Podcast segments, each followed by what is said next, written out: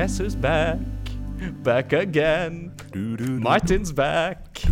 Tell a friend. That's right, mine damer og herrer. Dette er Crossover Gaming episode 84 med meg, Ingar Takanobu Hauge, med Peter Gjøskjell. Og han er tilbake etter et års pause. Velkommen til dagens gjest, Martin Herfjord! Røsten er tilbake. Velkommen innom eh, igjen, Martin. Det er superkjekt å ha deg med nye specs. Stemmer ikke Tusen det? takk. Det ser Jo, jo, jo. eh, ganske ny ut. Um, nå som jeg er straks uh, vordende lektor, så er jeg jo nødt til å få briller. For å liksom opprettholde Martin son is evolving. Ja. Until uh, glasses, Martin. Ooh, smart Martin. The Ja, ja. credible Hulk. Så er det liksom litt lettere å se at jeg er nerd òg, på en måte. Så får jeg liksom lettere opp de, nerde, de gode nerdesamtalene. Ikke sånn der eh, 'Jeg skal kjøpe leilighet' og sånn, men ja, OK, Elden Ring. Hæ? Hæ? Hæ? Hvis, det, det, hvis det er det det måles på, så er han minst nerd her. Men det kan kanskje stemme, det. Du, du, du kan jo bare få deg sånne fake, fake glasses.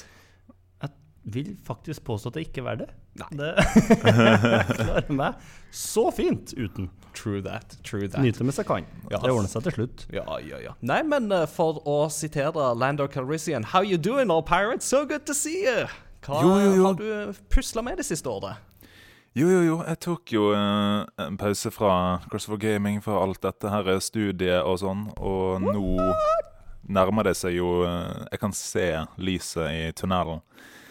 Eh, det er liksom Dagene går jo i på en måte masterskriving og eh, jobbing, på en måte. Og uh, it's a marathon. Men eh, det er godt. Jeg har jo savna, savna dere. Savna deg, Ingar, og litt, litt av PT, ikke? Um, så um, Ja, det er godt å, å få Nå har liksom holdt inne mye spillprat som eh, Nå skal jeg bare kompensere for ett år i denne episoden. da Du skal Altså, du, du, du skal få en hel temadel der du bare skal få utøse av all din nerditet. Og du har jo allerede teasa at det kommer garantert til å bli litt Elton Ring i løpet av denne episoden her. Oh, yes.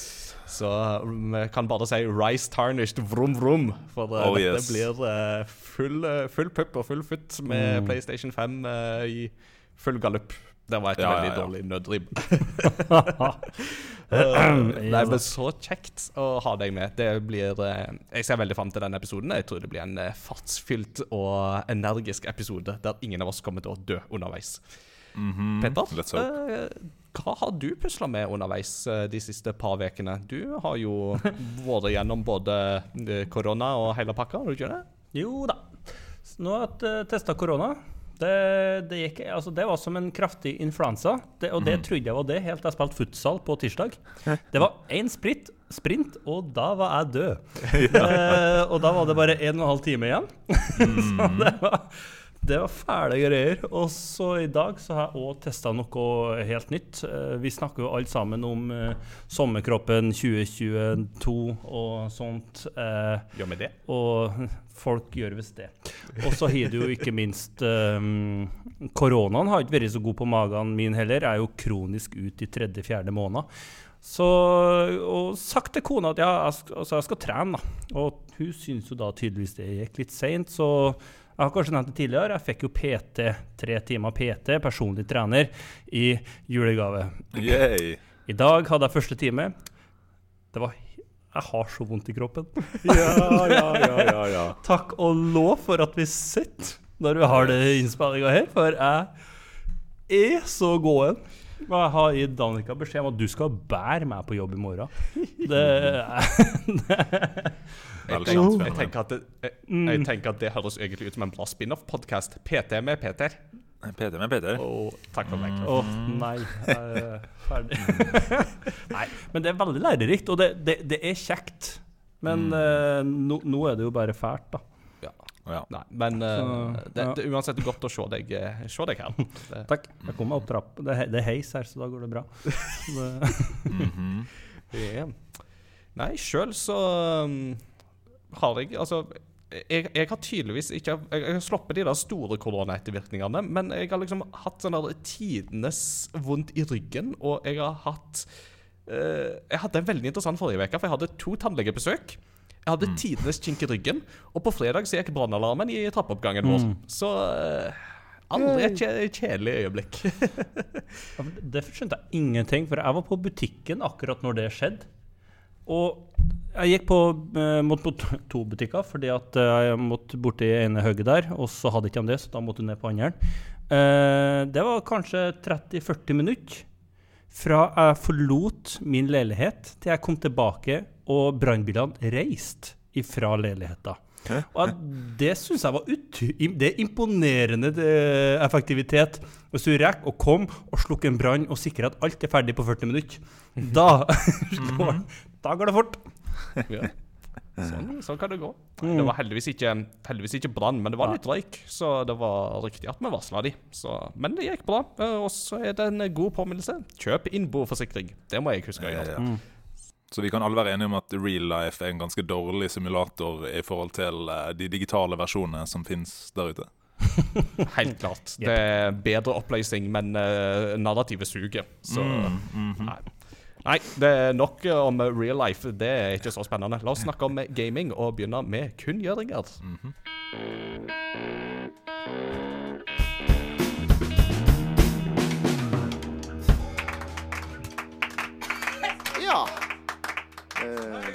Himmelsk lyd fra ungdommene. Eh, nå er det ukens kunngjøringer. Vi skal begynne litt i ryktedatabasen først. Og da er det jo Det er blitt veldig veldig populært å skulle begynne å lage TV-serier ut av eh, spill, plutselig. Eh, TV-serier og filmer. Altså Sonic eh, the Hedgehog 2 er jo rett rundt hjørnet. Eh, Halo-TV-serien har jo premiere neste uke. Og nå ryktes det at Amazon har lyst til å lage God of War-TV-serie. Så eh, da er jo spørsmålet Kan vi få Kristoffer Hivju til å spille Kratos og si 'Gutt'? Ja. Jeg ser for meg de, de har sånne skuespillere inn til auditions. Bare sånn Les første linje på manuset. Boy! Eh, OK, tredje linje. Boy! Hmm, skal vi se. 37. linje. Boy! Uh, nei, men sånn, sånn helt seriøst, hvem kan passe til å spille Kratos? Rune Fjell Olsen. Are you listening? Ja, han har ikke hår, så kanskje Rune. Ja, ja, ja. altså, jeg elsker jo han som er stemmeskuespilleren. Han har jo en uh, mektig røst. Og hvis du skinner han, så eh, ser han badass ut òg, altså. Han eh, er, mm, han er beast. mm. Det, ja. Så han har iallfall stemmen. Det hadde jo vært veldig kult. Um, jeg tviler på at det blir Henry Cavill igjen. Jeg tror liksom De er kanskje litt redd for at han kan bli litt oppbrukt hvis det skal være både Supermann og Geralt og Kratos. At det blir litt sånn Men uh, jeg ser jo for meg at Henry Cavill kunne hatt lyst. Ja, men han er ikke, han er ikke badass nok til uh, Kratos, altså. Der er han litt spinkel. Ikke, at han, ikke at han er Altså, han er bøs, for så vidt, men Kratos er et beist. altså. Det hadde vært gøy med The Rock òg, liksom, men eh, det hadde blitt, blitt litt for gimmicky, på en måte. Ja. Mm. Det ryktes jo at The Rock skal være med i en eller annen spillrelatert eh, film. Eh, mest sannsynligvis eh, altså, Der er det jo hot takes der, så er jo Gears of War. Så det er jo de samme, Ja. for, samme forbokstavene. G-O-W. Så det kan jo skje. Og han vil passe veldig godt i en sånn type rolle, tenker jeg da. Det, ja. Absolutt. My tomatoes! Ja, det blir spennende. Nei, vi får se. Vi får se.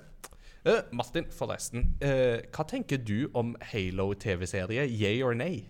Yay! Jeg har jo spilt det så lite at jeg uh, tar gjerne en TV-serie for å komme inn i det universet. Hadde aldri Xbox hjemme, så Men jeg, jeg har jo digga Bungie sitt verk. og kult med Master Chief, hele den uh, lauren og mystikken der, liksom. Så de sier jo at han skal kanskje ta av seg hjelmen i serien, da. Eh, så um, Nei, men jeg tar gjerne en serie der, altså. Mm. Nei, spennende. Det, vi får se neste uke om eh, det blir year or nay, men jeg er iallfall spent, jeg, altså. Mm. Jeg hadde tilbud om å se første episode og anmelde, men eh, dessverre så Eller ikke første episode, egentlig hele anmeldelsen Nei, hele serien. Men Ja, eh, det, det hadde ikke tid, dessverre, så sånn ble det. Så er det ikke så lenge til The Last of Us kommer på HBO òg. Det er sant. Det er sant. Det er sant. Og det er jo liksom den store contenderen, tenker jo jeg, da. Mm. Det er jo uh, Der henger lista høyt, men uh, jeg tror virkelig at det kan bli veldig bra. Ikke minst Pedro Pascal i hovedrollen. Mwah, Chef's kiss. Altså, altså, tenk, jeg tenker jo litt på altså, Ta Halo, uh, Last of Us, uh, Ringenes herre-serie Altså, når du da som regissør liksom mm, Det der har jeg lyst til å lage en serie av. Det er ganske modig. Folk har så mye følelser blanda inn i dem, de greiene der. Og du, dere så jo en trailer fra Rins Ringenes herre, og folk flippa. Dama har ikke skjegg! Fordi dama har ikke skjegg. Og, ja, og det er greit nok, det. Altså, det får vi høre i filmen, til og med. at- Altså, det vet jo at de har skjegg. Men det, altså, du, det er skummelt, ass. Jeg, jeg, de, de er modige, det er sunt, må jeg si. Ja, det er jo Noe av appellet med å ta for seg en franchise er jo at du har en del garanterte seere. Mm, Men ja, eh, ja. med en dedikert fanbase så kommer jo hissige tilbakemeldinger. Det, så da må, man, da må man treffe, da. Jeg ble jo Mm. sjøl litt sånn skuffa av Wheel of Time. Um, Mm. Som har mye lovende, men jeg syns de bommer på en del ting. Mm. Så ja. Ja. Ja, jeg er jo litt enig i den. At eh, for altså, Wheel of Time altså, jeg, jeg var nok eh, Jeg landa nok likevel liksom på en mer positiv enn på en negativ. Men at det var sånn, de traff på en del ting, og så bomma de på noen ting. eh, men at potensialet ligger for en god sesong to likevel, tenker jeg. da. Så jeg tror jo at korona har spilt inn veldig mye for den produksjonen der. Og at eh, Mm, etter ja, hvert som det kommer ut av det, så tror jeg at en del av disse produksjonene vil ta seg mer opp. da, fordi at eh, det går jo faktisk utover budsjettene deres òg. Mm. jo at en del av pengene går jo nettopp med på eh, covid-relaterte tiltak. Et kanskje godt eksempel er Witcher, som hva skal man si, det er jo ikke akkurat en eh, Golden Globe-nominert eh, serie. Eh, mange feil der. Men den har jo fått eh, mye skryt. For, kanskje Mm. forvent, forventningene var lave fra før, eller Det er jo en del mangler med den, men den har jeg hørt mest positiv snakk om, da. Mm. Så det kommer litt an på fanbasen, kanskje. Ja, CGI-en har jo fått, er, har jo, er jo det som ofte trekkes fram rundt mye av det negative fra Witcher første sesongen.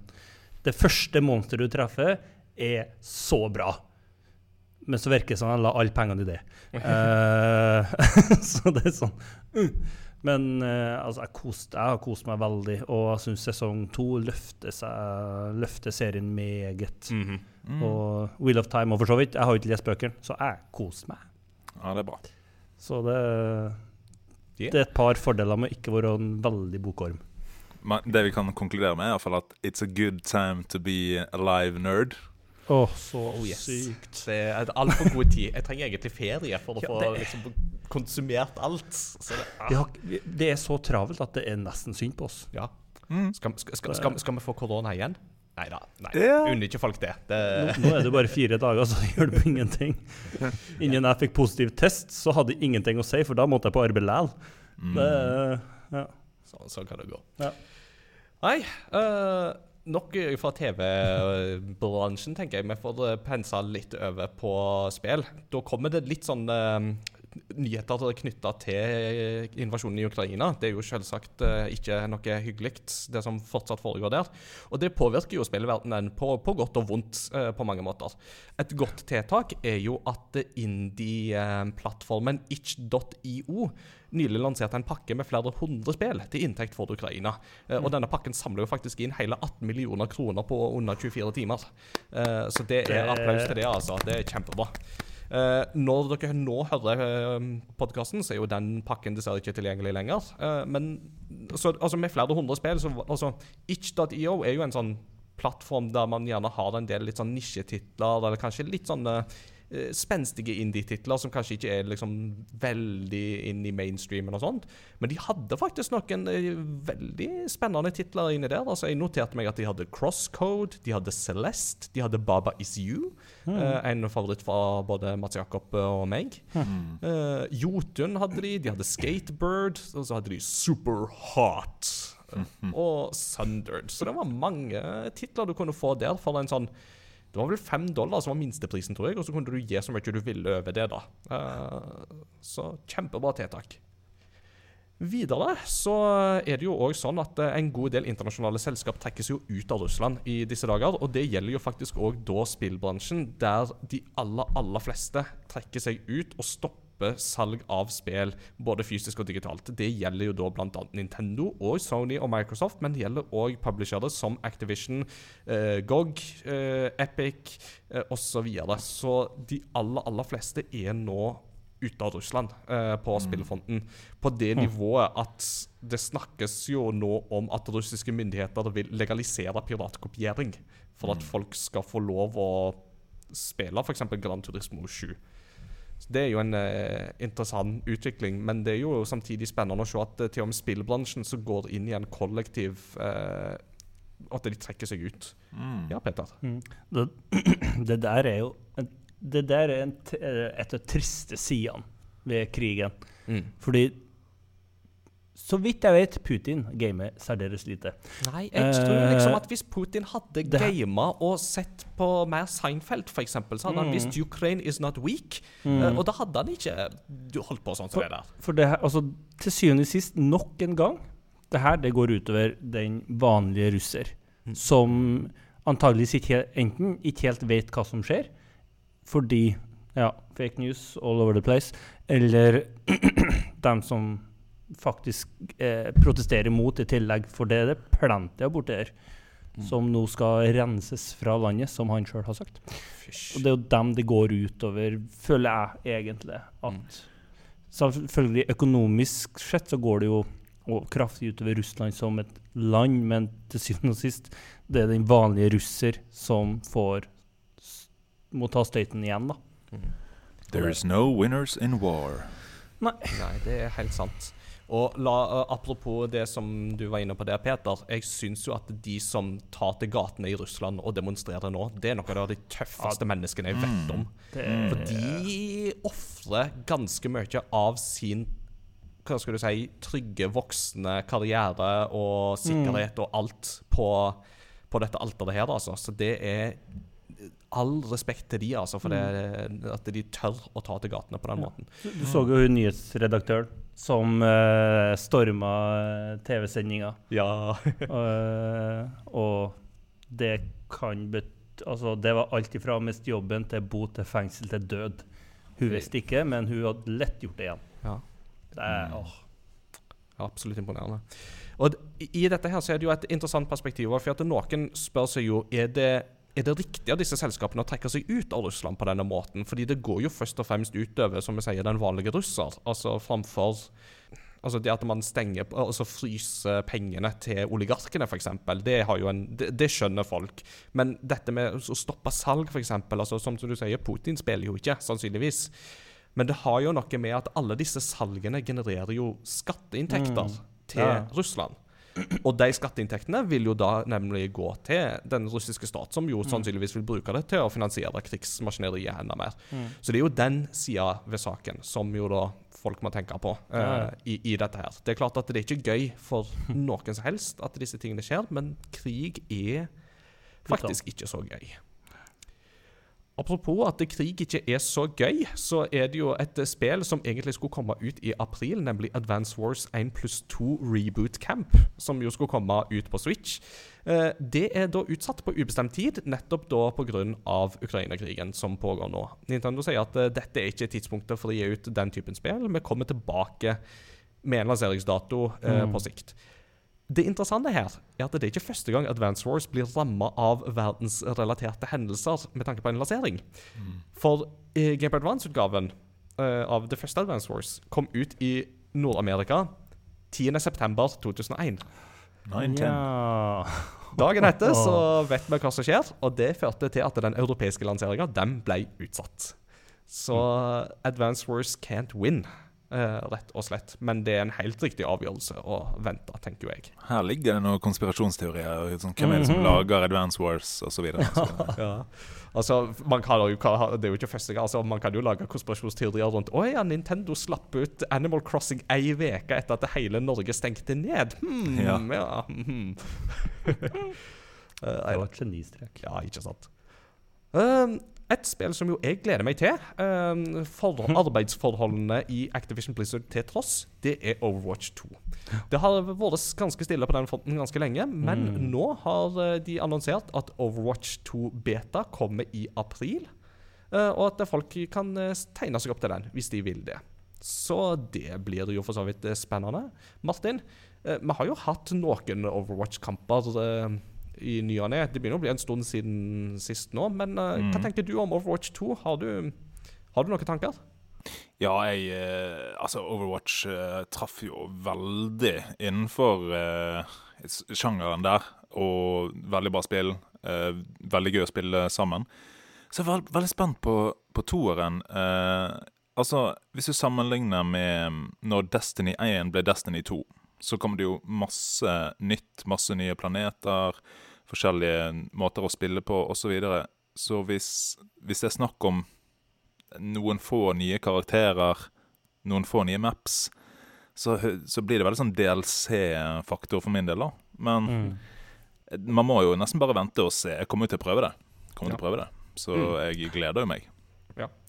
Det, det som vi jo får testa i eh, betaen, det er jo PVP-delen, eh, der man jo går ned fra seks til fem spillere. eh, og da med nye kart og en, den nye figuren Sojourn. PVE-delen får vi jo ikke testa ennå, og det er jo der veldig mye av potensialet til Overwatch 2 ligger, tenker jeg. Samtidig som at jeg skjønner at man ikke vil gi fri tilgang på det ennå, for det er gjerne PVP-delen som må stresstestes mest. kan du si. Mm. Så det blir spennende. Eh, en glad gladnyhet fra Nintendo er at uh, i år så er det jo 30-årsjubileum for Kirby. Uh, det slippes jo nytt Kirby-spill til neste uke. Eh, og eh, 11. august så skal de markere dette 30-årsjubileet med å ha en livekonsert av Kirby-musikk i Tokyo. Og for de som ikke er i Tokyo, så skal den konserten bli livestreama. Så 11. august, da er det bare Deilig. å sette av eh, tida for eh, litt eh, god musikk. Tror vi fikk ei uke lenge ferie, så det passer bra. Ja, skal jeg si. Ja. Da, Plot twist. Så da går det. Kirby spiser orkesteret. Uh, sånn at uh, munnen er liksom akkurat på kanten rundt hele orkesteret. Men så klarer liksom han da å, å spille Kirby-musikk fra sin munn. Mm. Han må skyte ut sånne pianotangenter og cymbaler og sånt etter hvert så de skal liksom slå inn. Nice. Jeg liker den plot-twisten. Eh, mens vi, eller ikke mens vi snakker, men i kveld så skal uh, Sony ha en State of Play-sending der de skal vise mer fra Hogwarts Legacy. Uh, de skal vise annet 14 minutter med gameplay fra PlayStation 5-utgaven. Det er jo kjempespennende. Men de hadde en State of Play forrige uke som vi kan snakke mer om. Um, jeg bare går litt sånn gjennom i tur og orden noen av de tingene som de viste fram der. Eh, de viste fram et eh, Capcom viste fram et spill som heter Exoprimal, som basically er a Dino Crisis i alt bortsett fra navnet. Eh, roboter, eller mech-suits, møter dinosaurer. Ja. ja. Uh, hadde litt sånn Anthem-vibes over seg, uh, som gjorde meg litt bekymra, men uh, altså Hvis du vil ha folk i kamprustninger som kjemper mot dinosaurer, så tror jeg det der kan være helt eh, gull, altså.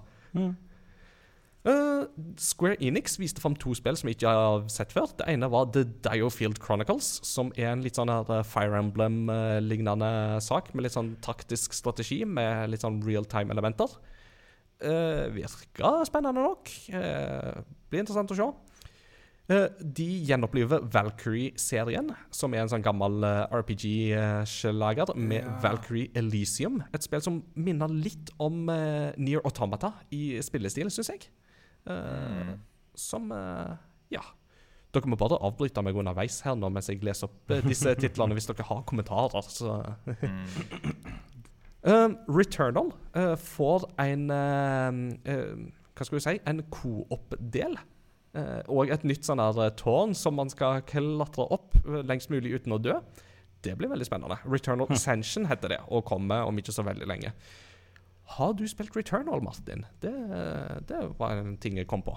Nei, jeg har bare sett at det ser veldig bra ut, og hørt fra Level Up-diskusjonen der Rune elsker det, uh, Nick uh, syns det har dårlig historie. Men det ser jo nydelig ut, da. Og så må vi jo heie på vår Er Finland en del av Skandinavia, forresten? Nordiske, i hvert fall. Nordiske, Nordiske, nordiske venner som får til eh, å, å liksom gjøre seg internasjonalt bemerka på spillmarkedet. Helt klart, helt klart.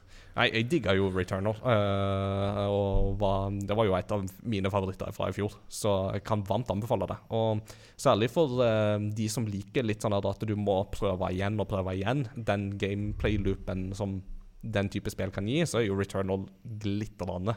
Så kan varmt anbefales. Vi fikk se litt fra Ghostwire Tokyo, dette nye spenn eh, spennende spillet fra Tango Gameworks, som eh, kommer nå til veka. Det Jeg liker det jeg ser, da, altså. Og så har vi eh, Forspoken, som er det nye spillet fra Square Enix, eh, som eh, er bygd på en helt ny grafikkmotor. Eh, det ble jo for øvrig utsatt fra april til oktober, men eh, det er noe med det spillet altså, som bare det ser så elegant ut i spillestilen, med liksom magisk parkour, eh, som kan, kan definitivt være noe gøy med det. Stranger of Paradise, Final Fantasy Origin, kom ut med en demo, og det spillet er jo for så vidt òg lansert når dere da hører episoden. Eh, et spill som jo går i alle retninger når det gjelder anmeldelser. Eh, det passer egentlig bra, siden det spillet kan oppsummeres i mime Chaos. Uh, Gundam, uh, anime-serien, for et spill som heter Gundam Evolution, så litt gammelt ut, men uh, sikkert gøy for de som liker Gundam. Uh, også for Jojo's Bizarre Adventure for en relansering av spillet All Star Battle, som nå skal hete All Star Battle R. Vi får uh, samuraispillet Trek to Yomi, som er et av de 20 spillene jeg hadde på min topp 20-liste for 2022. Uh, Svart-hvitt uh, Kurosawa samurai-spill med litt sånn sifu-elementer. Jeg må si det ser veldig, veldig gøy ut. Veldig lovende. Og så kommer en saftig pakke som jeg måtte bare sende til Mats Jakob med en gang jeg så at den skulle komme ut. Teenage Mutant Ninja Turtles Cowabunga Bundle med 13 uh, Turtles-spill i ett. Uh, det så gøy ut. Og ja, Turtles in Time er et av de. Sånn, så å si alle Turtles-spill ever, nesten.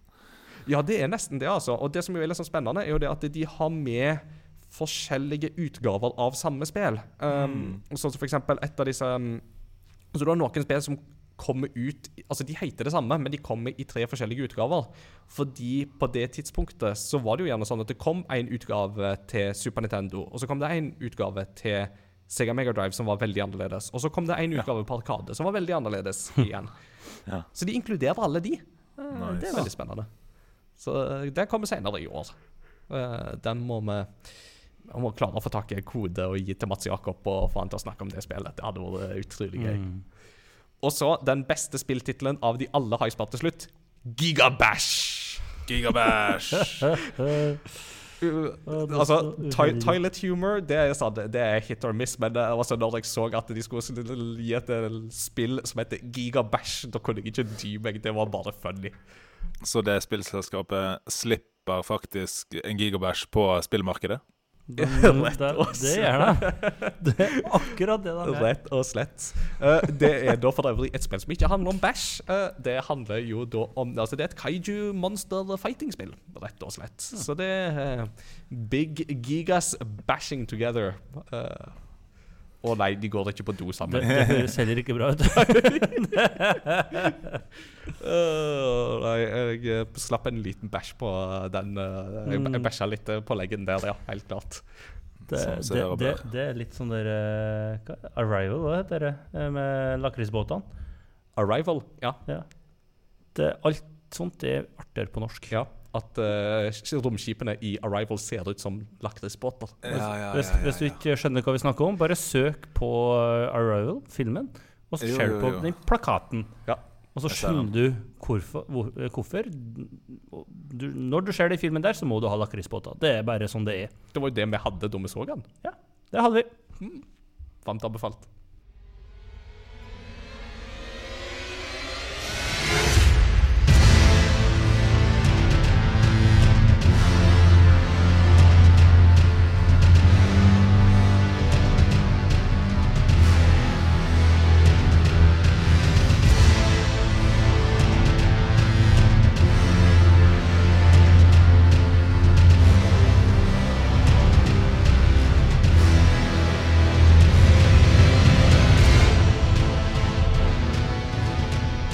Rise Tarnished, det er tid for å snakke om Elden Ring. Rise ye tarnished. Eller det vil si, vi skal snakke om både Elden Ring og Gran Turismo 7. Og Martin, du har spilt begge. Du er stor fan av eh, begge selskapene og spillestilene og alt i utgangspunktet, så jeg tenker du skal få lov å bestemme hva vi skal snakke om først. Ja, rent dramaturgisk så kan vi Vi kan begynne med, med Gran Turismo. Ja, la Vi oss gjøre det. La oss gjøre det. Så altså, Gran Turismo, der vet jeg at du har jo et eh, forhold til Gran Turismo-serien fra før. Jeg Ja. lurer på om du har kjørt 24-timersløp i Gran Turismo 3? Kan Ja, ja, det ja. Det er ja, bra huske, Bra å huske. ja, ja. Ja, eh, det var veldig sånn starten av PlayStation-gaming for meg. Var Gran Turismo eh, 1, 2 og 3, altså. Det Mm. har jeg spilt til døde. Hvis det hadde vært Platinum Trophy, så hadde jeg hatt det i Gran Turismo 3, altså. Det var kanskje godt at det ikke fantes på den tida der. Der hadde det vært ødelagt mange, mange sjeler. Mm. Så jeg, jeg, jeg forstår det jo sånn at Gran Turismo 3 er jo litt sånn Det har jo vært høydepunktet i serien for veldig mange. Og at Ja, mange- det har liksom aldri helt nådd opp til det nivået i etterkant. Jeg vet ikke om Mm. det er noe du deler, men du kan jo si litt hva Ja, du tenker om det. jeg er ganske enig med det. Det, er jo, det går an å stille ganske likt med fireren òg. Ja. Um, men så gradvis etter det så gikk det litt bort fra den der eh, progresjonsfølelsen som man fikk når man, man begynte med en, en liten garasje og en dårlig bil. Um, og eh, litt den der at du, du leveler liksom opp, uh, og uh, litt sånne RPG-element i, i de første spillene der. Eh, som forsvant mer og mer, da, og eh, spillet før syveren, sport, var jo så Der var det borte. Altså, der var det jo liksom bare e-sport-fokus, nesten, Mm. så å si. Selv om det var jo bra arkade og simulering. Men eh, så har de funnet litt tilbake igjen til det nå i, i syveren, da, syns jeg. Ja. Så eh, fortell oss hva Gran Turismo 7 har å by på. Jeg eh, forstår at du har spilt det på PlayStation 5. eh, Ja. Og det er jo gjerne det man vil spille det på, for dette er jo Er det jo én ting Gran Turismo er kjent for, så er det jo å se veldig bra ut og pushe hardwaren to the limit. Ja. Så eh, for en gammel Gran Turismo-fan, hvordan føles Gran Turismo 7? Jo, vet du hva. Eh, det er veldig fint. Altså, dette er, dette er spillet for bilentusiaster, og spesielt bilsimulering-fans. Um, det, det er veldig fint. Hvis du sammenligner med f.eks. For Forza Horizon er en rockekonsert med full guff fra, fra start, på en måte. Mm. Uh, Foo Fighters, liksom. Hoppe ut av et fly i starten av spillet og Ja, kjøre du- kapp du- mot det samme flyet. og- Du begynner med en Lamborghini i jungelen, liksom, og bare Yes. Mens, uh, mens eh, Gran Turismo 7, uh, det er en privat, klassisk konsert der du blir putta i godstolen, gitt litt rødvin, eh, litt kjeks med ost. Og så blir du forklart den historiske bakgrunnen til hvert stykke som blir spilt underveis, og, og, og fòret litt sånn innimellom eh, med en sånn privat, eh, stilig konsert. Eh, for det her er liksom Det er snevert for, for bilentusiaster. Altså, bare starten av spillet åpner med en unskippable cutscene på fem minutter, minst, liksom. Av bare sånn derre Historien til menneskeheten og bil. Bilen er sentrum av menneskeheten, på en måte. Det er sammenligner Sammenlignet med sånn Der, ja. rakettoppskyting og sånn der eh, Lande på månen Nei, bil, bilen var viktigere, liksom. Um, og, eh, og det er jo sånn her eh, Du begynner eh, Ja, hele designet rundt progresjonen er designa rundt en kafé. Eh, du har vel spilt du og Littinger, eller? Eh, Jeg har bare så vidt fått lasta det ned, og mens det sto Ja. og lasta ned, så fikk jeg spilt disse her uh, musikalske badene Ja, i begynnelsen, Rallig inkludert den fantastisk dårlige rappen fra Idris Elba. Altså, no, no offense, jeg liker Idris Elba veldig godt, men han er ikke en rapper. Og det å høre på en sånn rapp om bare sånn I'm driving my Maserati, Maserati, or is it a Bugatti, Bugatti? Og det bare sånn Hysj! Jeg vil kjøre bil! Ikke Åh, Ja. Og sånn vroom, vroom, vroom, vroom, vroom. Og det var, sånn, det, det var så talentløst dårlig. Ja. Unnskyld. Det var Akkurat den modusen der skjønner jeg ikke helt poenget med. Men det er jo Altså, Japan er landet for eh, karaoke. Så Det er det er, det er en, en viss link der. Mm. Nei, men eh, hele progresjonen er på en måte sentrert rundt en kafé.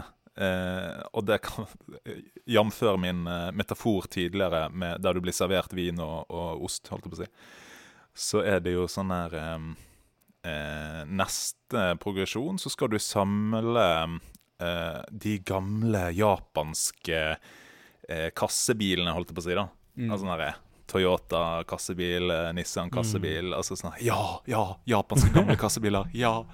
Og så begynner du med sånn her Og så går vi til England. Der har du Mini Cooper og de andre små treige bilene, så du kan kjøre veldig sakte med. Um, men altså, de forteller deg på en måte historien til uh, bilproduksjon. Uh, så det er sånn Det er jo helt på andre siden av skalaen i forhold til Forsa. Uh, men akkurat det liker jeg. Altså, jeg, jeg gir de kudos for det, da. Eh, fordi det spiller på den bilentusiast, eh, bilentusiasten mm. i meg. Og det, altså, det er jo utrolig grafikk og eh, bildesign. Eh, du- du ser jo hver eneste lille skrue på de bilene, liksom. Og eh, det er jo forskjellig Og bare fra kameravinkel så kan du jo sitte inn i bilen og se forskjellige cockpiter på, på alle bilene, liksom. Og banene er jo nydelige. Det er jo dynamisk vær som gjør at det blir litt variasjon innad i banene òg. At du blir, du blir ikke så hva skal vi si, lei banene, fordi eh, det er dynamisk vær. Mm. Som er veldig kult. Uh, som jeg tror noen av de er synket med real time. Sånn her, Jeg husker liksom jeg, jeg kjørte i Japan, og så var det helt mørkt fordi andre, andre mm, siden av jordkloden. Sånn. Mm. Så kan du stille inn på hvor fort det været skal forandre seg, og, og litt sånne ting.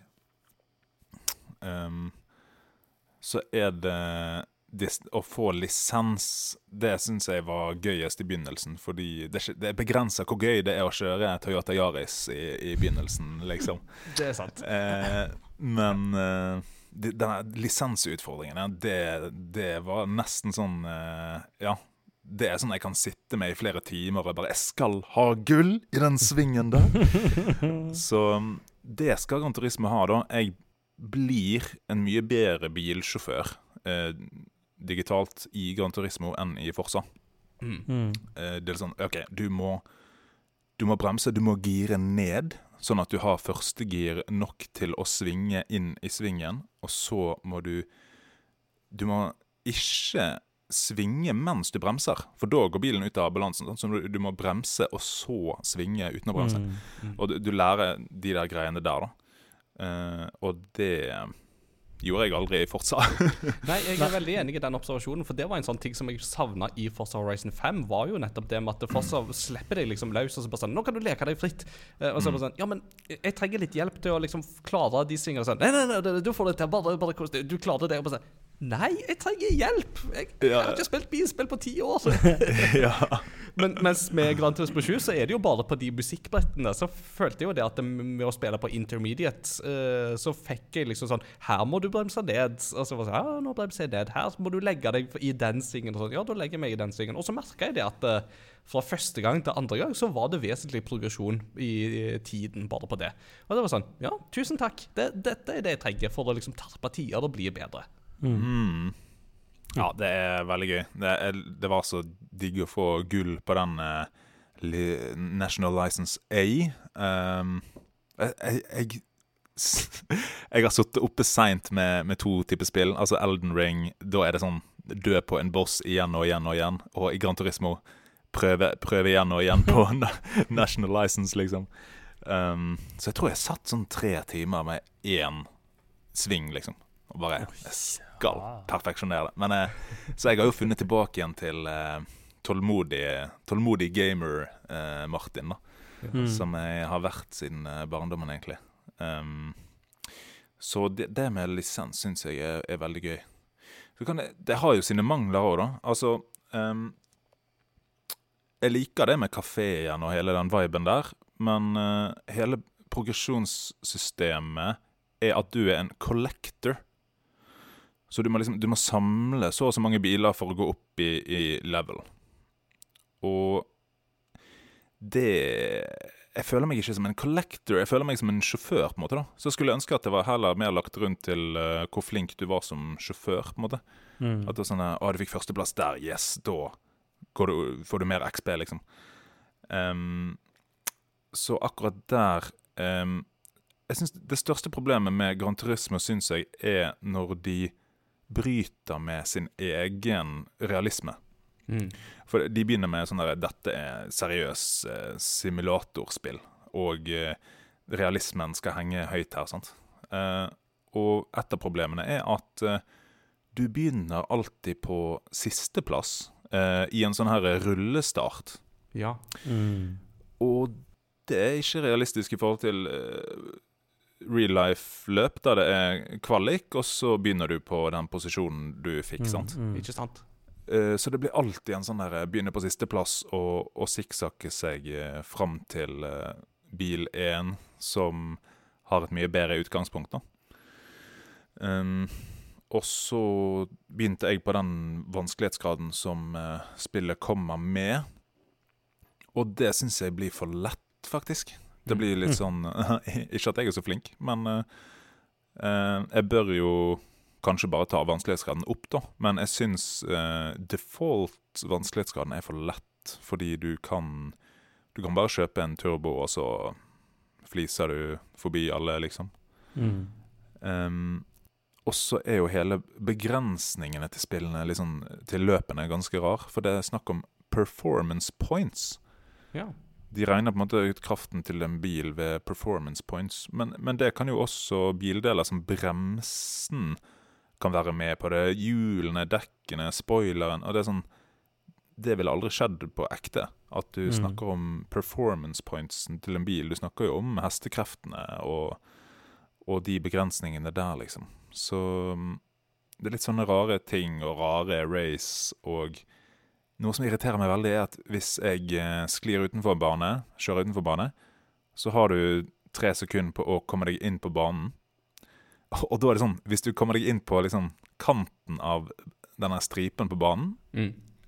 nei. Da Mm. blir du transportert eh, For det er sånn at da blir du transportert bak der du kjørte ut, etter tre sekunder. Og det igjen er jo heller ikke realistisk. Det ville jo aldri skjedd på Det ekte. er på en jo ingen tid. Det, Nei, det er jo for kort uansett. Ja, uh, så det, det syns jeg er veldig rart. At uh, de bryter med sin egen eh, realisme, da. Um, så det er på en måte noe man kan trekke spillet for, syns jeg. Eh, så det som trekker mest ned for meg, er nok hele den progresjonen rundt collector-biten. Men så klarte jo jeg å skaffe meg en, eh, min favorittbil gjennom tidene, Dodge Viper. Den eh, sexy, sexy bilen her. Fikk på en spoiler. Jeg klarte liksom å designe um, malingen på bilen sånn som jeg ville, med fartsstriper på midten. Eh, Tuna den opp perfekt. Eh, så der eh, traff jo spillet meg rett i hjertet. Og en eh, Nissan Skyline. Det, altså, det Mm. ser jo helt smooth ut, da. Em, så det er absolutt verdt å spille. Hvis, eh, hvis du har likt Gran Turismo, så er det nok ikke Det har ikke vært bedre enn det er nå. måte. Nei, Nei. så bra. Det, det er rett og slett en uh, comeback til, til, til toppen, altså. Ja, jeg vil si det. Mm. Så Eh, Jeg, eh, jeg har jo bare fått liksom cruisa rundt på disse her musikkbrettene sånn helt i starten mens jeg drev på å laste ned og sånt. Men altså, bare på det korte inntrykket der, så er det jo et par inntrykk jeg får. Det første er jo det med lyssetting, f.eks. Altså lysmettheten, eller lysmetninga, i dette spillet er jo helt fabelaktig god. Og det å se hvordan lyset gir gjenskinn på dashboard og sånt i real time og sånt, altså De små detaljene der, det er så crisp og smooth at når du kjører rundt på Tokyo-motorveien, så er det bare sånn der, Det er akkurat sånn det føles. Vet du hva? Det er akkurat sånn det føles å sitte i en bil i Tokyo med liksom lysene som treffer på den måten der. Å, det er bare pure brilliance. Deilig. Det er nydelig. Og det skal sies at uh, gjennom min gjennomspilling så er det jo noe som har preget uh, Og det er jo at jeg vil spille Elden Ring. jeg er jo så kraftig ned i det spillet nå at um, kanskje jeg ubevisst ble litt sånn uh, påvirka av det, at jeg ikke klarte å, å fange, fange meg helt vekk fra det. da. Det er ikke sant. Ikke sant. Uh, en siste spørsmål som jeg har i forbindelse med Gran Turismo, det er hvordan uh, føler du DualSense-integrasjonen er? Altså Jo, den er bra. Den er bra.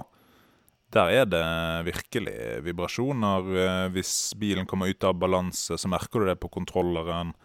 Eh, hvis du kjører i, i regn, så av og til kommer det litt sånne eh, dråpemekanismer og, og, og brems og gir. og Det er veldig responsivt. Så det Mm. er jo eksemplarisk bruk av eh, ja, hele kontrollteknologien, altså. Mm. Så mer, mer av det i, av flere spill, sier jeg. Mm. Spennende. Spørsmål, Peter, om Gran Turismo. Er det noe du kommer til å bryne deg på, tror du? På, på sikt? Jeg håper det, eh, men jeg skal kjøpe ny TV først. Ja. Det un- unner ikke nok rettferdighet med en TV som den jeg har nå. Så da, eh, i løpet av året, forhåpentligvis, hvis jeg får tid Ja. Det tar vi da. Mm. Du skal få låne det av meg hvis du trenger. Så. Eh, gracias.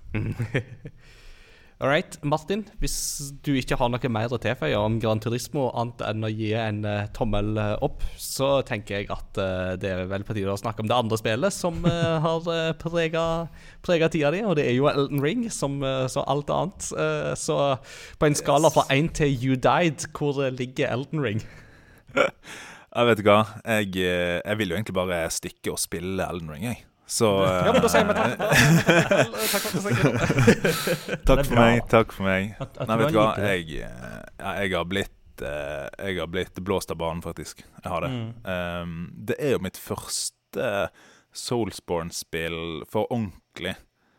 Jeg prøvde um, Jeg prøvde Bloodborne, men så kom jeg meg ikke videre fra den der eh, første stedet. Så jeg bare Nei, det, dette gidder ikke jeg, liksom. Mm. Um, så har jeg prøvd litt uh, Det her er nyeste som var til PS5. Uh, var det Dark Souls? Som, Demon eh, Souls. Demon Souls, ja. Eh, som jeg prøvde litt hos Christian Fonneland. Show det!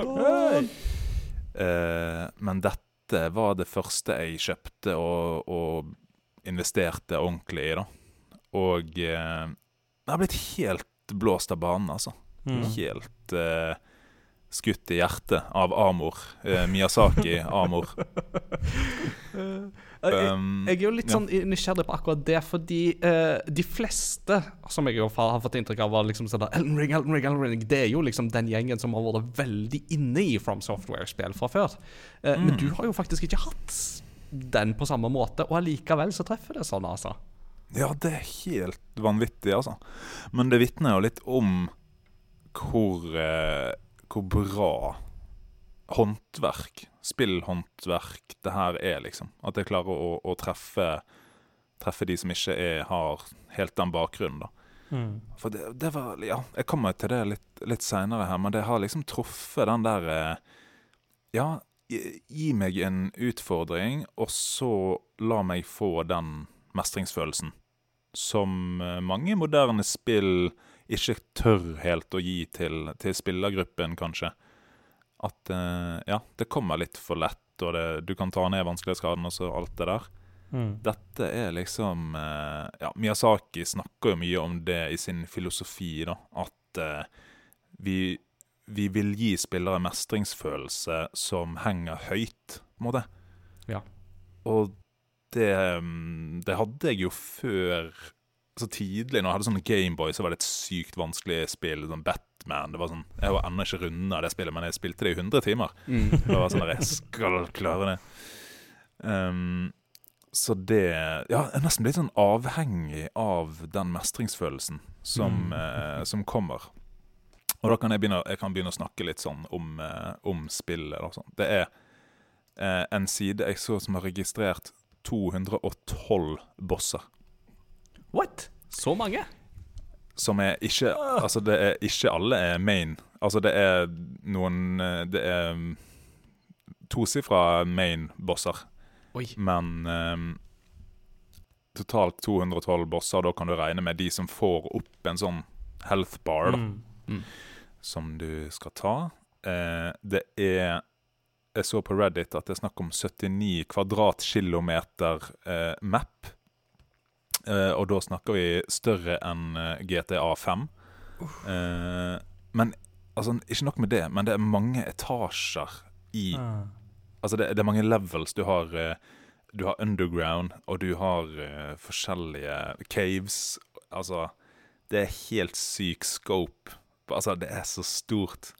Men fortsatt så klarer de å ha en hemmelighet rundt hvert hjørne. Mm. De, det er så fullspekka av ting å oppdage, ting å gjøre. Altså, det er kvantitet og kvalitet. Mm. Det, altså det er noen open world-spill som blir for tomme, sant? men Ja, dette er det, det er jo en risiko. At Mm. det blir tomt. Yes. Men dette er fullspekka. Under ethvert hjørne så er det enten eh, equipment, altså ny eh, loot, Mm. eller så er det et, en liten sprekk som fører til et større rom, som fører til et gigantisk område som eh, Altså, jeg, jeg fikk eh, rulletekst etter 75 timer på første character. Mm. Og så nå holder jeg på med andre character, har eh, 40 timer på den. Og det er så mye nytt jeg oppdager på andre playthrough. Wow. Altså, det er. Eh, fullspekka. eh, hva, hva begynte du som? Jeg skjønner jo at det er jo forskjellige klasser og sånt, men eh, hva begynte du med? Ja, du, jeg begynte som en sånn hero. eh, Hadde liksom høy strength og, og dexterity Nei, endurance og, og strength. Litt sånn Mm. melee. For jeg var litt sånn Ja, OK, jeg lærer meg skjold og sverd, jeg. Og så ruller jeg litt rundt. Eh, men så kom jeg over et våpen etter sånn eh, 20 timer som var magic-basert, da. Og da eh, klarte jeg å respecke jeg, jeg kommer ikke til å spoile noe som eh, ikke er lenger enn en sånn halvtime ute i spillet. Mm. Men det er jo ganske kjent at etter hvert så, så kan man respecke, da. Ja. Så etter i første Etter jeg respecka, så gikk jeg magic. Eh, og det har jeg skjønt at de har eh, De har gjort mer ut av magic-bild nå enn de har gjort i tidligere Soulsborne-spill. Så det er mange kule spells og, og, og staver og effekter og, og eh, alt mulig som ser eh, smooth ut. Eh, så um, første karakteren min ble en sånn intellect mage. Og nå holder jeg på med en dexterity samurai. Oh. So it's a samurai who wants to be a ninja. Ja, ja, ja. Så um, it's a sinja. Zinja. en er. Or a, or a namurai. Og så er det, altså det er så nydelig. Altså Du kommer ut, og du ser en, en vakker, vakker verden. Altså Det er jo Det, det er skikkelig fantasy for full pupp her, liksom. Mm. Og eh, Ja, det, det ga meg den Breath of the Wild-følelsen i, i begynnelsen. Og du får mange av de, altså. Jeg har tatt meg sjøl i å sånn derre Uh, På grensen til gråt, liksom. Uh, mange ganger. Det er skikkelig episk i scope. Jeg husker jeg fikk det når jeg spilte um, eh, Xenoblade Chronicles. Ja. Så ser du liksom der eh, gigantene oppi der. Altså, scopen er så stor nå. Så det er litt den der blir- Gower Plains-følelsen når du kommer ut der i uh, Xenoblade. Ja, og det var sånn Oi, langt borti der er det et gigantisk uh, slott, liksom. Og det som er kult i Elden Ring, er at du kan, du kan gå til alt du ser. Mm. Eh, til slutt, ikke, ikke i begynnelsen, men det du ser, kan du komme til eventuelt. Mm. Og ja, det er bare så fullspekka, og så våpendesignet Å, det er jo hundrevis av sykt kule våpen som er verdt å respecke til bare pga. spesialeffektene, liksom. Mm. Eh, fiendedesignet er jo From Software sin eh, skikkelig store styrke.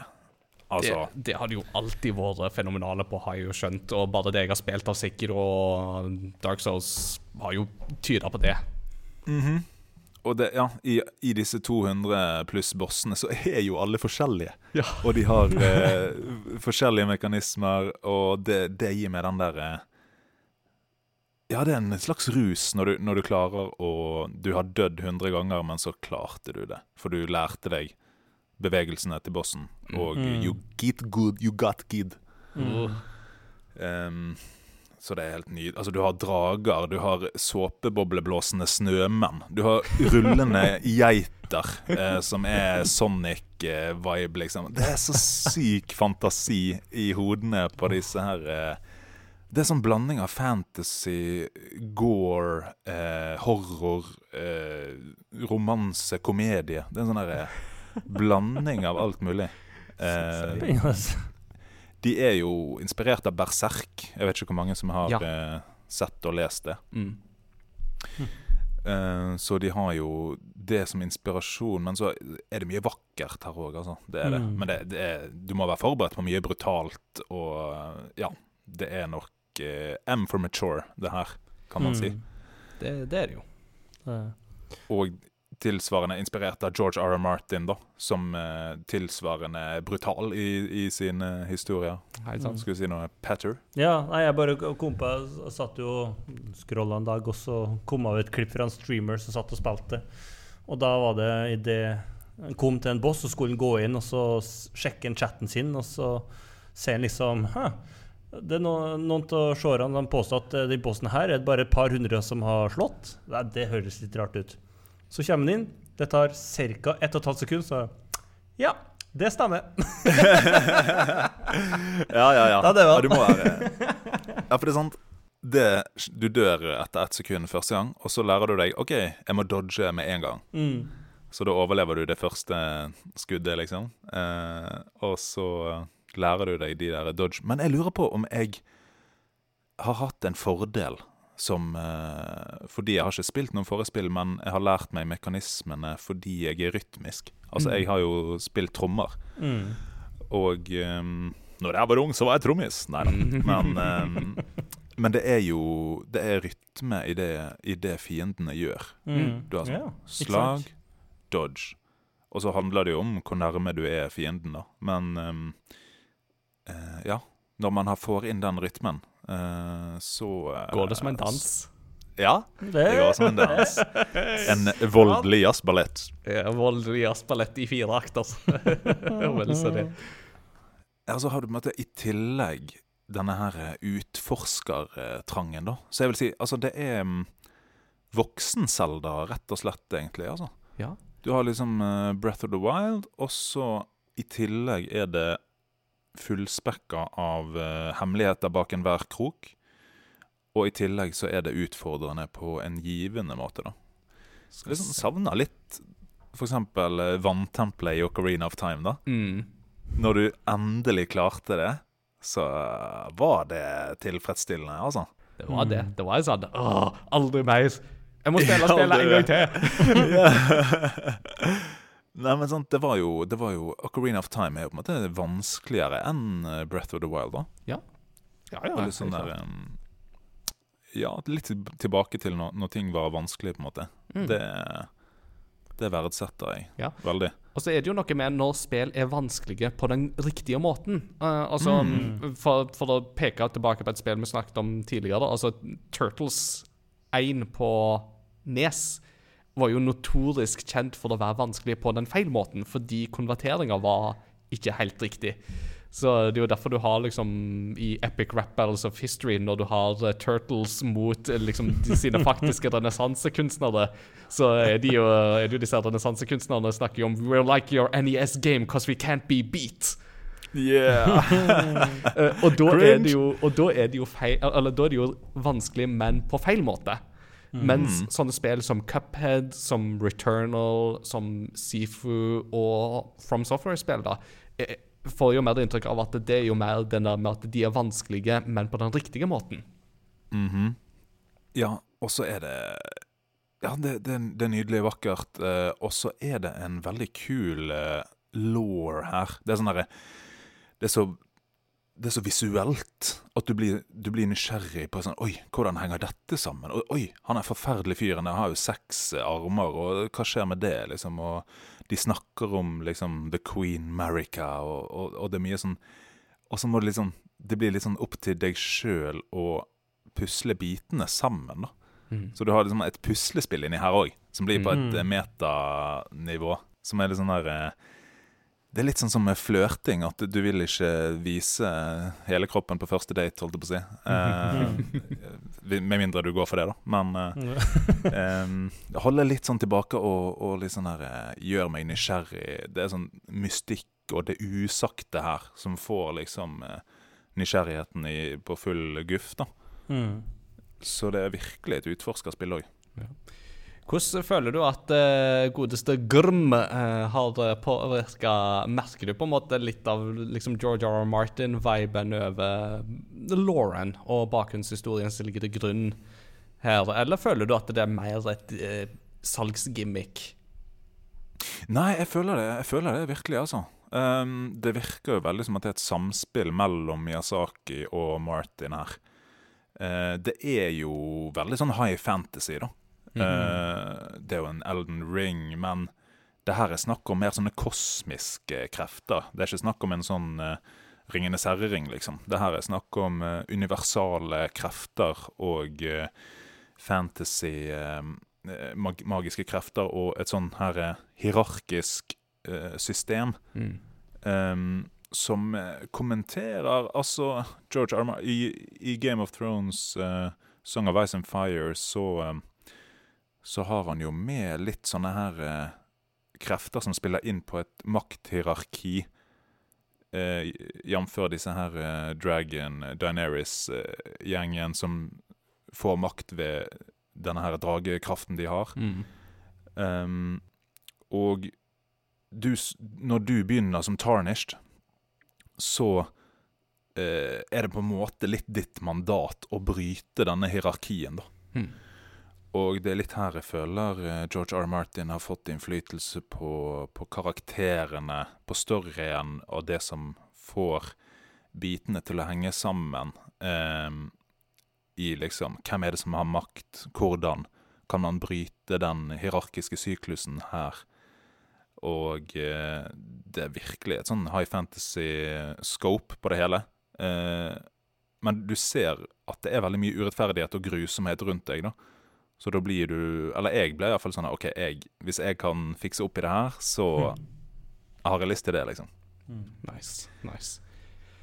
Uh, siste biten som jeg har lyst til å spørre, det er jo mer på liksom, den tekniske performancen. For der har jeg jo skjønt at det er litt ymse. Uh, og det er liksom, hvordan føler du at uh, Altså, nå, nå, har du jo, nå sitter du jo med Gran Turismo 20, som jo er griselekkert og pent og bare kjører liksom veldig, veldig elegant og smooth. Og så har du dette her som eh, Ja, altså, hvordan, oppleves det på PlayStation 5? Plettfritt. Plettfritt, faktisk. Hva skal jeg si? Ja, ja. Nei, men det vil jeg si, det vil jeg oppsummere med. Uh, jeg har hørt at jeg kan slite litt på PC. Mm. Um, kanskje PS4, det vet ikke jeg så mye om. Uh, men det bare helt nydelig vakkert på, på PS5. Eh, av og til at jeg kan droppe litt i framerate, men aldri nok til at jeg lar meg irritere over det, på en måte. Mm. Uh, så er det noen små sånne her um, Et lite designgreie er at det er samme knapp for uh, løping, dodging og uh, hoppe bak. Eh, og det kan bli litt sånn der, eh, irriterende av og til hvis du skal løpe og så dodge, f.eks. Eh, Og så Hvis det er flere enemies, så kan den derre targeting-kamerafunksjonen hoppe eller slite med å gjøre det bra for spilleren. da. Mm. Men det er jo litt sånn Det, jo, det var jo litt sånn med Ocarina of Time òg. Den, altså den der targeting-kameragreien var jo irriterende av og til, liksom. Eh, men jeg vil jo sidestille de her på samme eh, nivå historisk i, i spillindustrien, egentlig. Altså, det er ti av ti spill, altså. Hundre 100 av 100, 1000 av 1000. Wow. Deilig. Det, det er det, altså. Jeg snakker med all time favorite. Ja, det, jeg må være litt forsiktig. Jeg må sette det litt mer i, i perspektiv, men uh, akkurat nå eh, Det jeg kan si, er at det føles objektivt som det beste spillet jeg har spilt. Mm. Eh, fordi den industrien eh, utvikler seg mer og mer. Mm. Eh, men eh, jeg må vente litt med å sette det i sånn subjektiv eh, perspektiv, da. Det blir, blir spennende å se hva Neste gang vi har deg med, vet du, så må du komme da, da, da skal du få lov å gi konklusjonen. Vi må liksom la det gå lang nok tid nå til at du får la det liksom synke inn, og du får prøve både tre og fire characters. Og så liksom la det fordøye som et godt måltid mat, og så skal, skal du komme tilbake og så skal du felle endelig dom over Elden Ring. Det må vi notere oss til neste gang.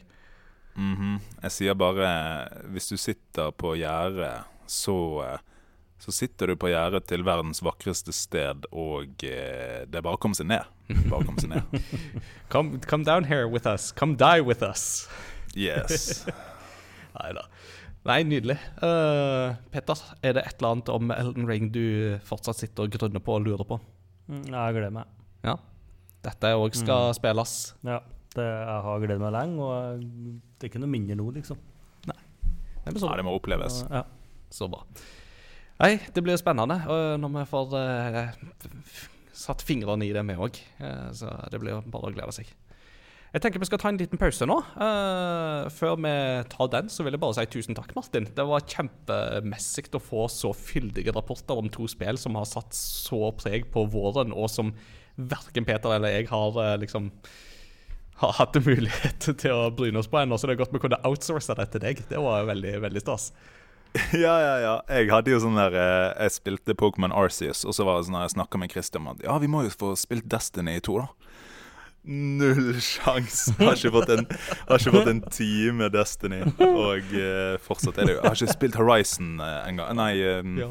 hor, um, hva heter dette? Forbidden her? Horizon Forbidden West. Forbidden West. Mm. ja, for der er jeg stuck. Ja. Det er det det går i. mm, det skal vi komme tilbake til i del to. Vi. Eh, Så vi skal få mer om det. Men eh, vi tar en pause nå, og så er vi straks tilbake.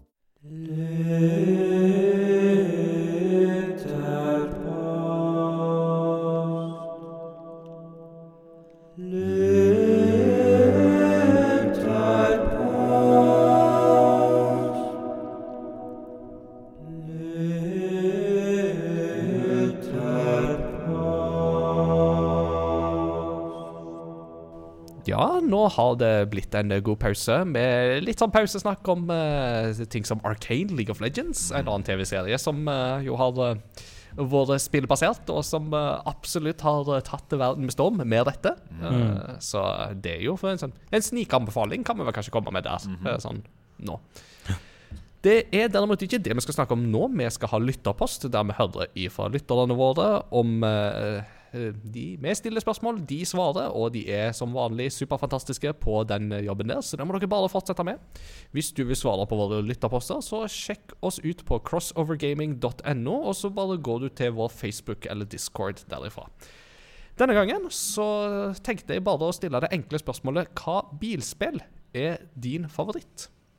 Et uh, spørsmål som jeg var litt redd for, at det skulle kanskje være litt det letteste laget. Og jeg jo, har jo ikke spilt så mange bilspill opp gjennom årene, så jeg tenkte at kanskje ikke det er liksom Kanskje lytterne våre ikke har så mye, men vet du hva? Det er, lytterne svikter ikke. De har spilt masse bilspill opp gjennom årene. Så Peter, kanskje du vil ta et svar først? Det kan jeg gjøre. Da starter vi med Skorpus. Need for speed var veldig gøy. I hvert fall PS1 og PS2-perioden. Burnout er heller, heller aldri feil. Ellers så vil jeg trakke fram Mario Kart, Crash Team Racing som klare favoritter. Ja. Mm. Kjempemessig. Mm. Eh, Crash Team Racing var et uh, godt uh, tips der. Jeg spilte jo nylig Chocobo GP. Det snakket jeg jo litt om i forrige episode. Et bilspill som jo ikke var så veldig bra. Eh, blant annet fordi at sånn som Crash Team Racing er et mye bedre alternativ. Så, Mhm. yeah. Martin, har du lyst å ta en lytterpost eller to? Ja, jeg kan starte med Sakseid, som skriver ja. For meg har alltid bilspill vært en favorittsjanger, og da spesielt rallyspill. Screamer 2 og Colin McRae 2 var favorittene i gamle dager. Må også nevne Yeah. Stunts, som kanskje var det første bilspillet jeg spilte. Det gøyeste med dette var å kunne lage egne baner. Det er vanskelig å plukke ut ett favorittspill, men om jeg spiller sammen med andre, er det få bilspill som kan måle seg med Rocket League. Spiller jeg alene, er det Dirt Rally eller My Summer Car som gjelder. Og eh, jeg husker sjøl Colin McRae. Det var eh, litt av starten på min eh, bilspillkarriere òg. Det var jo mm. Grand Turisme 1 og 2, men det òg. Kunne spille Ja. Petter Solberg i Subaruen der. Og. Ja. Det, altså Colin McRae Rally 2 Jeg har noen fartstimer der, altså. Det var liksom prime time, og det var liksom da rally var liksom på høyden, særlig her i Norge. Det var liksom akkurat den perioden der. Så var det Det var, det var kule greier, altså. Det var ja. Good times, good times. Espen Tveit han skriver Aldri vært noen kjempefan av bilspill, men det finnes noen som har satt sine spor. Midtown Madness og Driver var store spill i deler av barndommen. Mario Kart er jo alltid en vinner. Ellers vil jeg trekke fram Excite Truck på Wii. Veldig gøy spill hvor du kjører store trucks gjennom is, jungel og ørkenbaner i høy fart. Du drifter, du kjører mellom trær, og du flyr gjennom lufta. Jeg la ned mange mange timer i jakten på S-rank på alle baner. Fortsatt skuffa for at oppfølgeren Excite Bots aldri kom til Europa. Vent litt. Du sa bilspill slash racingspill? Racing, race Vi vet vel hva dette betyr, og så en bølge-emoji. Lame race! Espen fornekter seg ikke. He has become a parody of himself, som han sa for noen episoder siden. Nydelig. Godspark han sier Mario Kart 8 for min del, men har også hatt mye moro med Micro Machines og Wacky Wheels. Wacky Wheels, det, det kjenner jeg ikke til. Hva de gjør? Det var, det var interessant. Det må jeg slå opp etterpå. Mm. I do not know this. Nydelig. Da Christian Komles opp. Vi snakker julen 1997.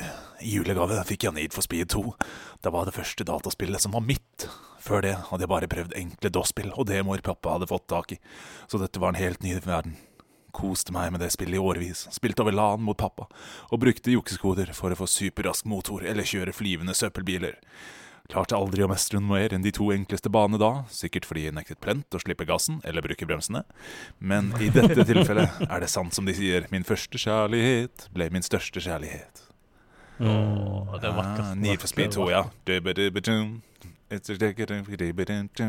Nei, Riders of the Storm. Ja, det, det, Det er Riders. Det er Snoop Det er Snoop Riders. Oh, Det er wow, wow, wow. men det er Snoop iallfall. Riders Oh, of the Storm. Dere kan mer der enn det jeg kan, altså. Det er imponerende. Ja, Sistemann ut, det er Elias som skriver 'Barnet i meg roper Mario Kart Wii', men skal driste meg utpå og si GTA 5, da det er noe med realismen de har naila. Pluss at det er et spill der det er både lett og gøy å kjøre rundt i. Om vi ser bort fra alle torpedooppdrag og gjengvolden man blir blandet opp i. Og muligheten til å cruise rundt i drømmebilen vel vitende om at jeg mest sannsynlig aldri kommer til å ta meg råd til å kjøpe en. Mhm. Det er liksom noe sant og noe litt trist uh, ved det der. ja. Men uh, personlige favoritter uh, sånn på bilspillfronten, hva tenker du, Martin? Ja, bare kjapt nevne Celia litt Sigrun her, som uh, Ja. nevner F-Zero X. Så det er jo på kanten til bil, for å si det sånn. Men det er i hvert fall uh, racingspill. Men hun, hun nevner jo også Need for Speed eh, Underground 2. eh, og sier at hun liker best eh, Need for Speed 2015. Um, yeah. Men eh, ja, Sigrun, det er nydelig. Uh, F-Zero, uh, det har man hatt eh, mye gøy med. Må, må med. Nei, men jeg kan begynne, jeg, altså. Mm. Det var bare så gøy å høre Midtown Madness, for det tror jeg var første Jeg tror det var første jeg prøvde Det var jo en venn som hadde en PC. Og det var nesten sånn her første sånne open world-følelsen jeg fikk. For det var liksom så stort. Du kunne kjøre i San Francisco og bare gønne opp den oppoverbanen og fly utover resten av, av brettet, liksom. Men nei. Det var kjent. Ja, ja, ja. Kanskje jeg spilte det? Ja, altså, det er et nydelig spill. Uh, nei, det, for min del så var det jo eh, Det var Gran Turismo 1, 2 og 3. Som sagt så har jeg jo faktisk spilt 24-timersløpet i Gran Turismo 3, liksom. Eh, Det- og eh, det er blemme på tommelen da, altså. Det er det. Eh, for da spilte jeg jo med piler og, og gass og, og brems på X og, X og firkant. Um, men jeg må nevne Mario Kart Double Dash, altså. Ja. Fordi eh, det var så gøy, for da var det sånn derre hmm, Skal vi se Diddy Kong har en svær banan som du kan legge på hopp, sånn at folk sklir ut av hopp. Det var liksom, Du måtte tenke litt taktisk, da. Så det var liksom eh, litt kjipt med det førstemann til mølla-konseptet, da. Men eh, jeg likte den taktiske delen, som jeg savner i, i de seinere Mario Kart-spillene, faktisk. Ja, helt klart. Mm. Det er jo en ehm, det, det, det, var en finesse der, da, med å ha to sjåfører på hver bil som du kunne switche mellom, og sånt, og det at du kunne sette opp egne komboer. Og veldig mange kule baner. Åh, utrolig mange kule baner i det spillet. Mm. Uh, Peter, eh, hva, hva vil du si er dine favoritter når det kommer til bilfronten? Eller racingfronten? Da er det Altså, første kjærlighet kjente jeg litt igjen. eh, og, og um, et av de tidligste spillene jeg husker på, er jo Need for Speed Underground 2. Mm. Eh, altså, og ba, altså, bare jeg hører den menymusikken med Snoop Dogg, jeg blir i godt humør. Ja, ja, ja. Jeg blir oppriktig glad. Jeg hører ikke på Snoop Dogg ellers. Eller sånn, Det er ikke helt min greie, men den er så god stemning. Og der kunne, For du, der kunne du style bil, altså. Der kunne du lage du, ja, det, det- Åh, Du har så mye muligheter. Ja. Uh, nei, det er helt fantastisk. Mario Kart er jo uh, klassiker som går igjen og igjen, og du blir alle lei. Uh, nå har jo kona funnet en favoritt i Mario Kart òg, hvor du slenger bomber overalt. Mm. eh, og har ballonger. Så det har vi spilt hver eneste kveld. Jeg hadde over 30 eliminations på ene banen der. uh, så eh, som en god ektemann så maltrakterer jeg hun fullstendig ut av banen, Ja. Uh, og koser meg meget med det. Mm. Og så husker jeg var det, når jeg var liten, VRC eh, var jeg fryktelig glad i på PlayStation 2. Mhm. Jeg har så mange timer der. Jeg det var så artig, og det var så virkelighetsnært, liksom. Åh, Det var nesten som å kjøre ekte rally. Eh, så det er, dem er høyt opp. Og Rocket League koser jeg meg mye med i dag. er jo det. Mm. Nice. Innimellom, i hvert fall. Yeah. Ingar? Ja, eh, jeg, jeg holder meg med Sigrun her om å si F-Zero X er en av mine liksom, kjære hjertebarn. Altså. Og ikke bare fordi at det er liksom den der futuristiske bilgreien og at det går fort og imponerende hva de fikk til der med Nintendo 64-teknologien. Eh, men òg rett og slett bare fordi at det var litt sånn mitt første liksom, skikkelige møte med progrock, var jo faktisk F-Zero-soundtracket.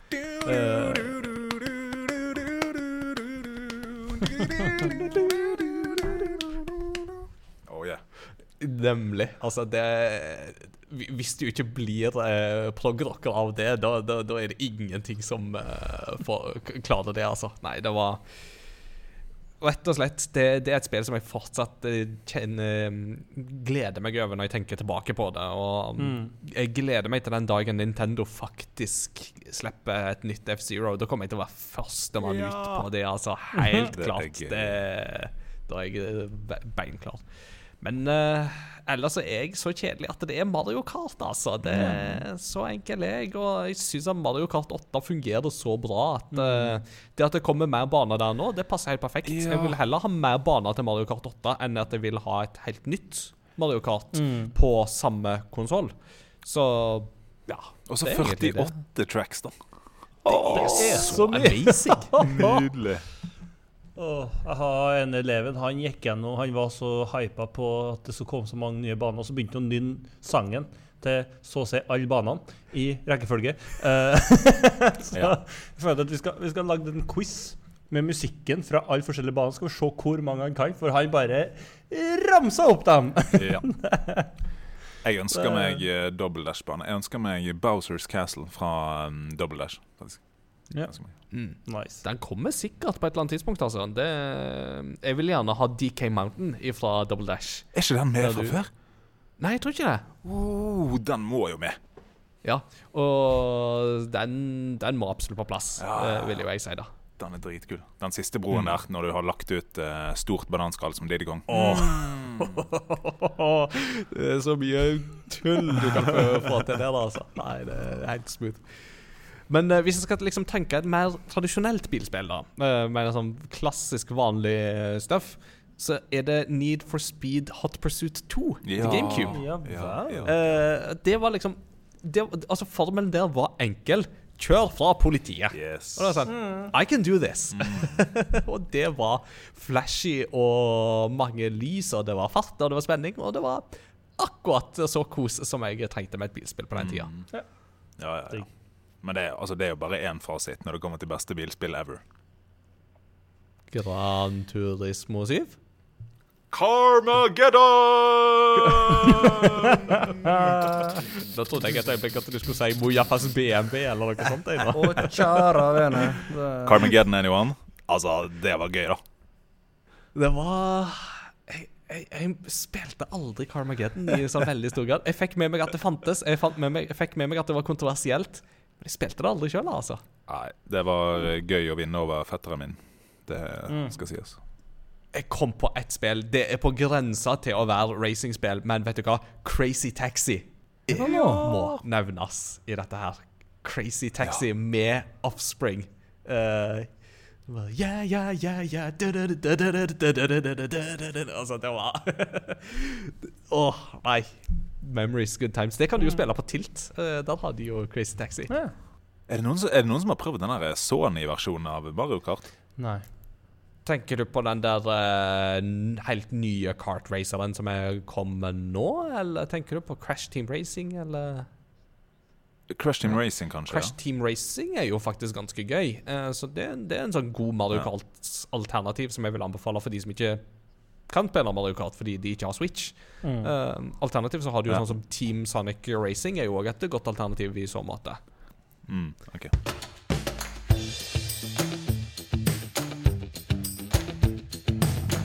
What you been playing lately? What you been playing lately? What you been playing lately? What you been playing lately? All right. Nå skal, vi ta litt mer av dette her med hva vi har spilt i det siste. Um, så Martin, jeg har lyst til å begynne litt i din ende. Um, har det blitt tid til noe annet enn uh, Gran Turismo og Elden Ring? Du teasa jo litt i stad om eh, Pokémon. Uh, Ja. Nei, altså, i det siste har det ikke det har det gått i, i Elden Ring og Gran Turismo. Det var så gøy, fordi jeg, jeg satt oppe til klokken tre og, og døde 100 ganger av eh, samme boss én dag. my, my kind of Friday Og night. så eh, Oh yeah. Og så satt jeg oppe til klokken tre og, og prøvde på å, å få gull i, på den vanskelige svingen eh, i, i Gran Turismo 3. Eh, så det er liksom stabeiste Martin som har um... Nei, men jeg spilte Pokémon Arceus um, fram til uh, Elden Ring kom, tror jeg. Og det var veldig kos. Altså det um, main-themet der.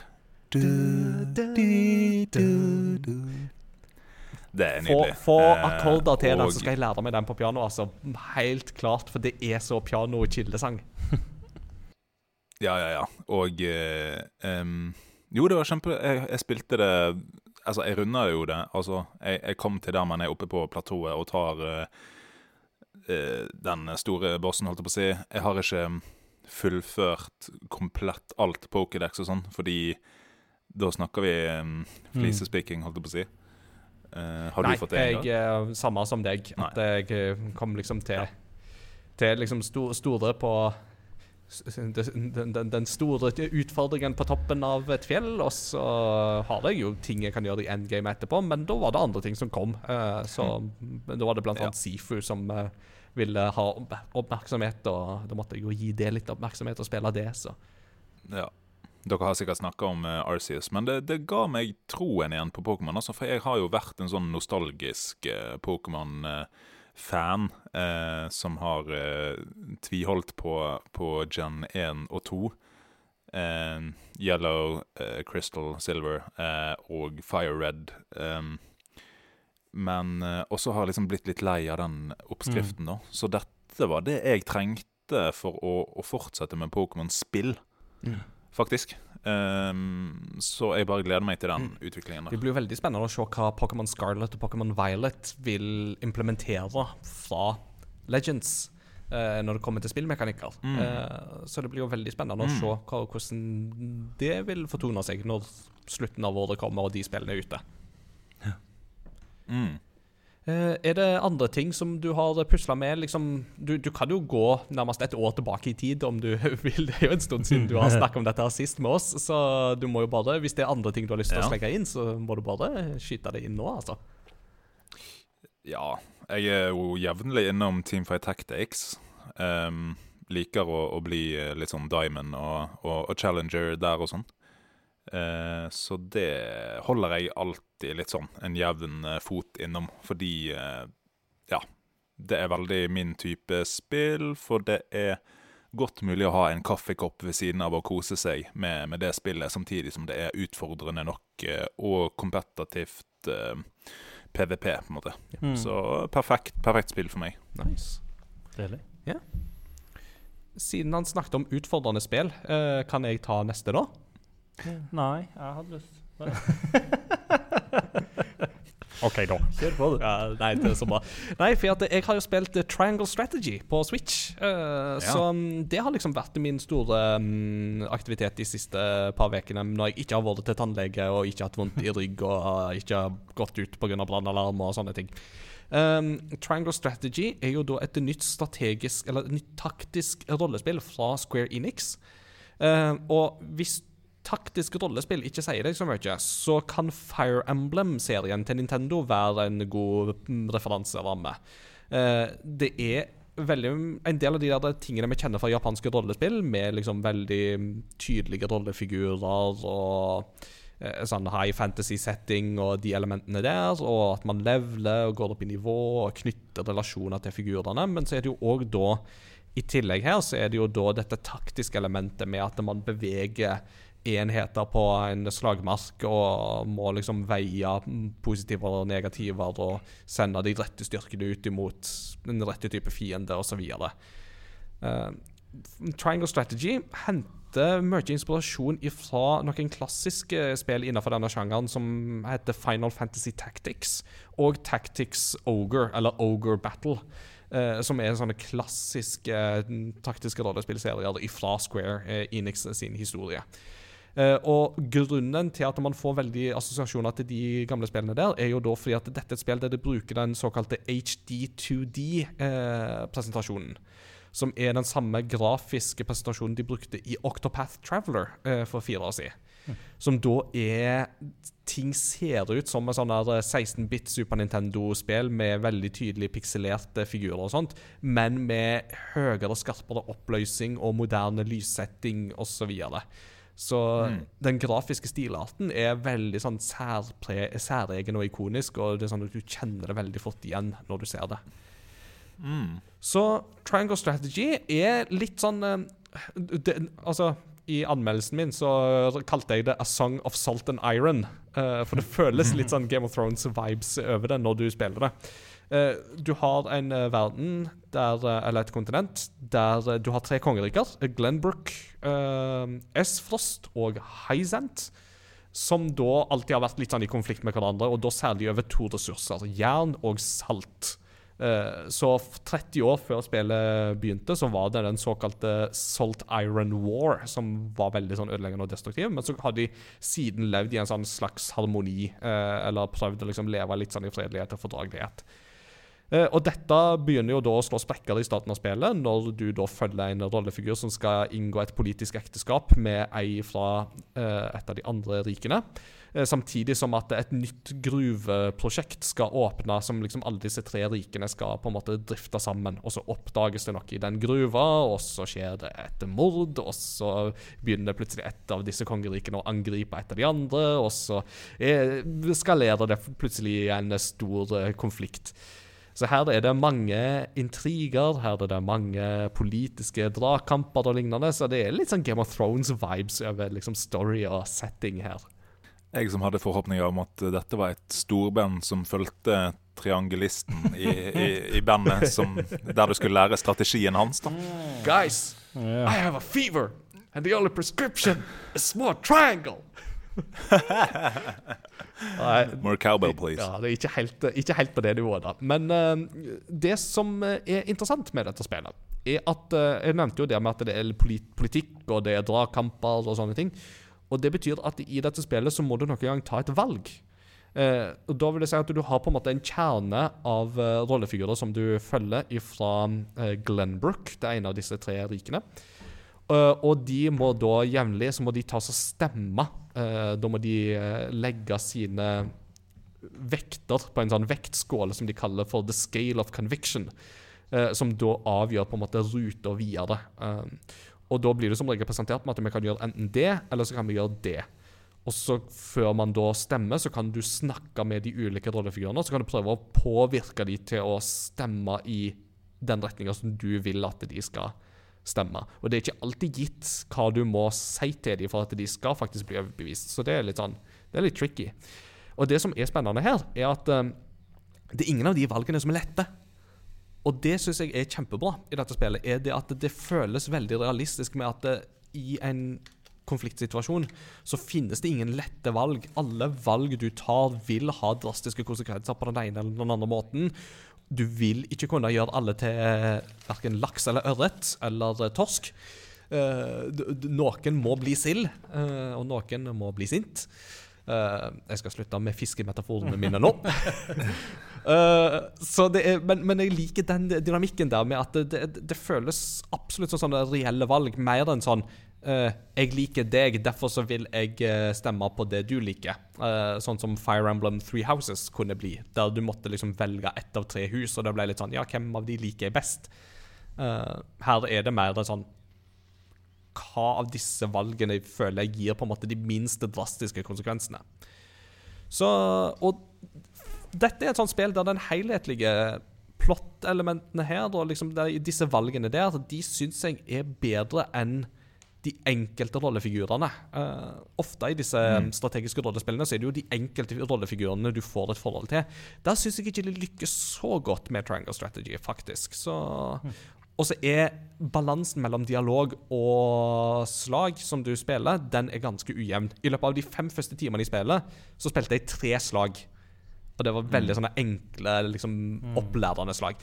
Det er for lite. Altså, den balansen Fem timer. blir, Den balansen blir bedre, eh, men den er aldri helt jevn, altså. Men når du først får spilt noen slag, så er de kjempegøye. Fordi dette er spill som faktisk da tør å utfordre deg. Eh, selv på normal vanskelighetsgrad så må du slite for føa. Men så er det så fint med at eh, du får erfaringspoeng. Og hvis du feiler, så får du med deg de erfaringspoengene videre til neste runde. Så neste runde vil alltid være litt lettere. Mm. Så det, det var en sånn ting jeg likte veldig godt. Og her er det sånn at du må da alltid passe flankene dine, og så må du passe deg for ikke å bli angrepet bakifra. Det er lettere sagt enn gjort, for det skjer veldig ofte.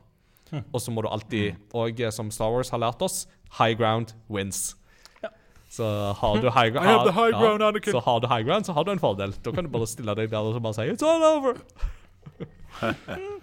Så Det er liksom det jeg har spilt mest. Eh, Gran Turismo 7 har jeg jo snakka om, og Horizon Forbidden West har jeg bare så vidt fått knota litt med, fordi at Triangle Strategy har tatt tida mi, og det har jeg da anmeldt på Game Reactor. Så de som vil eh, lese mer om det spillet, de kan, eh, ja, de kan gå på Game Reactor og så lese anmeldelsen min der.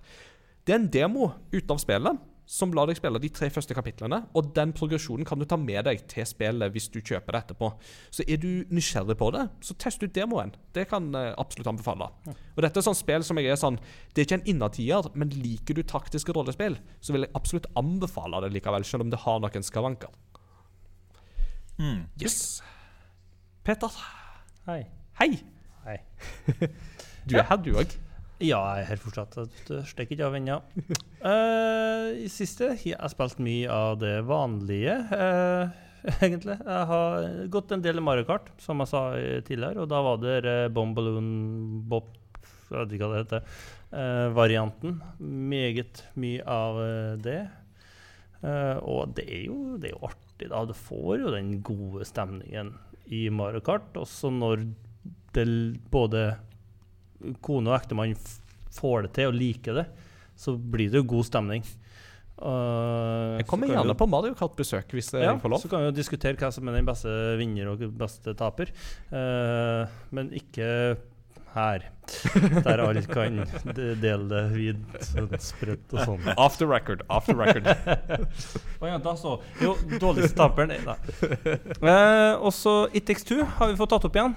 Collaboration! Oh, yes.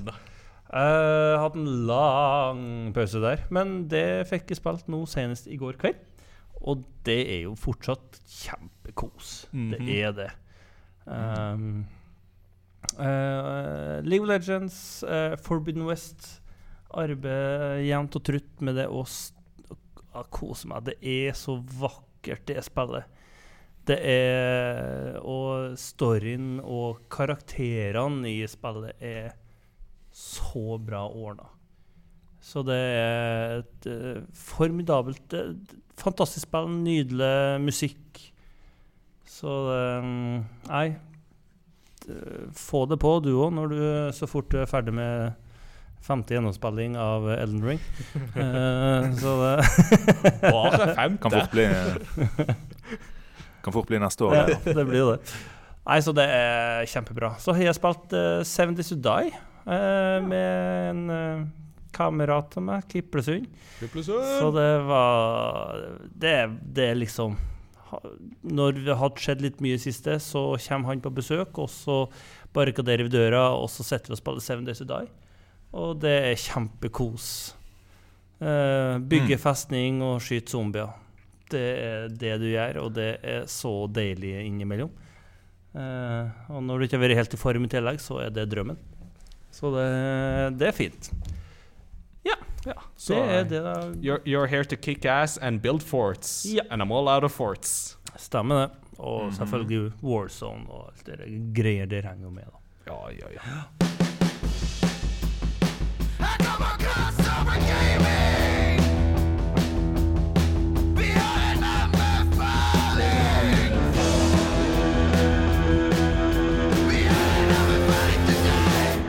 På tide med en eh, anbefaling. Ikke bare sånn snikanbefaling som hadde i starten her i Lytterposten, men eh, faktisk anbefaling. Så Martin, take it away. Hva har du lyst til å anbefale? Jeg skal faktisk anbefale noe analogt. Er det lov? Er det lov? Er det lov? Er det lov? Eh, men det er jo et spill, da. Og det heter Gloomhaven. Har dere hørt om det? Ja. Yes. Eh, det er veldig gøy. Nei, ikke jeg heller. Vi er en gjeng eh, inkludert uh, Fonneland, Kristian, Uh, som uh, vi samles når vi kan. Nå er jo de to, to av disse boysene blitt fedre, så det er jo litt uh, lame, da. Men Mhm. eh, Nice nei to know you. Mm. Yes, nice Takk to know for you. alt. Nei, men um, kort sagt så er Gloomhaven eh, Dungeon and Dragons uh, der du ikke trenger eh, Hva heter historiefortelleren? Eh, Dungeon Master. Dungeon Master. Eh, du trenger ikke en, en hva skal vi si, sertifisert eh, flink Dungeon Master, fordi eh, det er litt dyrt, men du kjøper en gigantisk boks eh, som er Gloomhaven, og der ligger det mange forskjellige character-typer som har eh, forskjellige karakterkort med Alt er kjempebra grafisk eh, detaljert. Mm. Så du kan, du kan eh, Hvis dere er fire som samles, da, så velger dere eh, om du skal være brute, som er, som er tank. skal du være Spellweaver, som er Magic DPS? Eh, skal du være en, eh, en Thief, eh, som er en slags rogue, på en måte? Ja, og så videre. Det er veldig mange alternativer. Og så følger du en bok som har med en app som, med voice acting og, og alt mulig. Og det finnes jo digital app til å holde styr på, på alt mulig òg. Og så er det brikker inni denne boksen der du bygger dungeons. Eh, det går relativt fort. Så det som følger med, er egentlig alt du trenger. Altså, du har eh, Du får det fysisk ned på bordet, alt sammen. da. Dungeon, fiender, characters, karakterkort, stats, eh, alt mulig. Og det er kjempekos. Det er kjempekos. Og så må du innom byen for å upgrade equipment, og det er, det er egentlig Dungeon and Dragons med det du trenger av fysiske representasjoner. Da. Mm. Kult. Så det anbefales. Nice. Er det dere spiller på lag da mot brettet, eller er det Ja. Ja. Ja. Åh, jeg liker sånne spill. Ja, det, Jeg syns det Mm. er kjekt. mm, Mm. det, er, det er alltid litt gøy, det, når det er sånn enten så vinner alle, eller så taper alle. Mm. Yeah. Yes. Litt sånn. Nei, så kult. Da, så det var Gloomhaven, altså. Gloomhaven. For dette er en hebreke pachinko-kontroller til Super Nintendo. It's curiosity. What are you gonna show to me? It's curiosity. What I need to know. It's curiosity. What are you gonna show to me? I haven't even heard of it. What a neat thing to know. It's a great part of the show. I dagens eh, kuriositet så fant jeg en kuriositet knytta til en spillserie som jeg sjøl ikke har så veldig sterkt forhold til, eh, men som veldig mange har et forhold til, nemlig GTA. Eh, og da skal vi helt tilbake til GTA 2, faktisk. Og det er jo litt sånn på, på, på merkelig vis så klarte jeg da å finne en GTA 2-kuriositet som var litt sånn interessant for denne podkasten her òg, fordi den handler litt om Jesus. Eh, litt sånn indirekte, da. Eh, men eh, For jeg fant ut det at i GTA 2 så finnes det noen kirkebygg som du kan gå innom for å lagre, fordi det er safe houses. Altså, Det er forskjellige safe houses i GTA 2, men noen av de er liksom sånne store kirker med neonskilt på. Og på disse neonskiltene så står det da 'Jesus saves'. Men som sånne neonskilt gjerne gjør, så er det noen av bokstavene som av og til på en måte flikker litt av. eh, og litt sånn. Og da er det 'you save' som blir stående. Og det er da med på liksom å indikere liksom, Formålet med denne bygningen er at du kan lagre her. Så det er sånn um, Jesus Ah. saves, and if you go there, you can save too. Det er nesten litt sånn uh, Kung Fu Panda. det My son saved China, you can save too. Buy yeah. one dumpling, get one for free. Oh yeah. Beste salgspitchen ever. Den er nydelig. All right. Vi har hatt en lang og innholdsrik episode, og jeg har kost meg som bare det. Men uh, all good things have to come to an end, og det gjelder jo denne episoden òg. Men vi stikker ikke av uten et lite postludium. Og Martin, hva har du med til oss i dag? Du, det var faktisk når vi spilte Gloomhaven, så tok vi på et soundtrack av et godt, gammelt, mye solgt spill som heter Skyrim. Og da er det mitt favoritttrack derfra, The Streets of White Run, som skal gynge oss ned i solnedgangen. Nice. Deilig. I, I used to be a Skyrim player like you. But then I mm Nei, nei, jeg skal ikke fortsette. Da blir jeg får jeg en pil i kneet.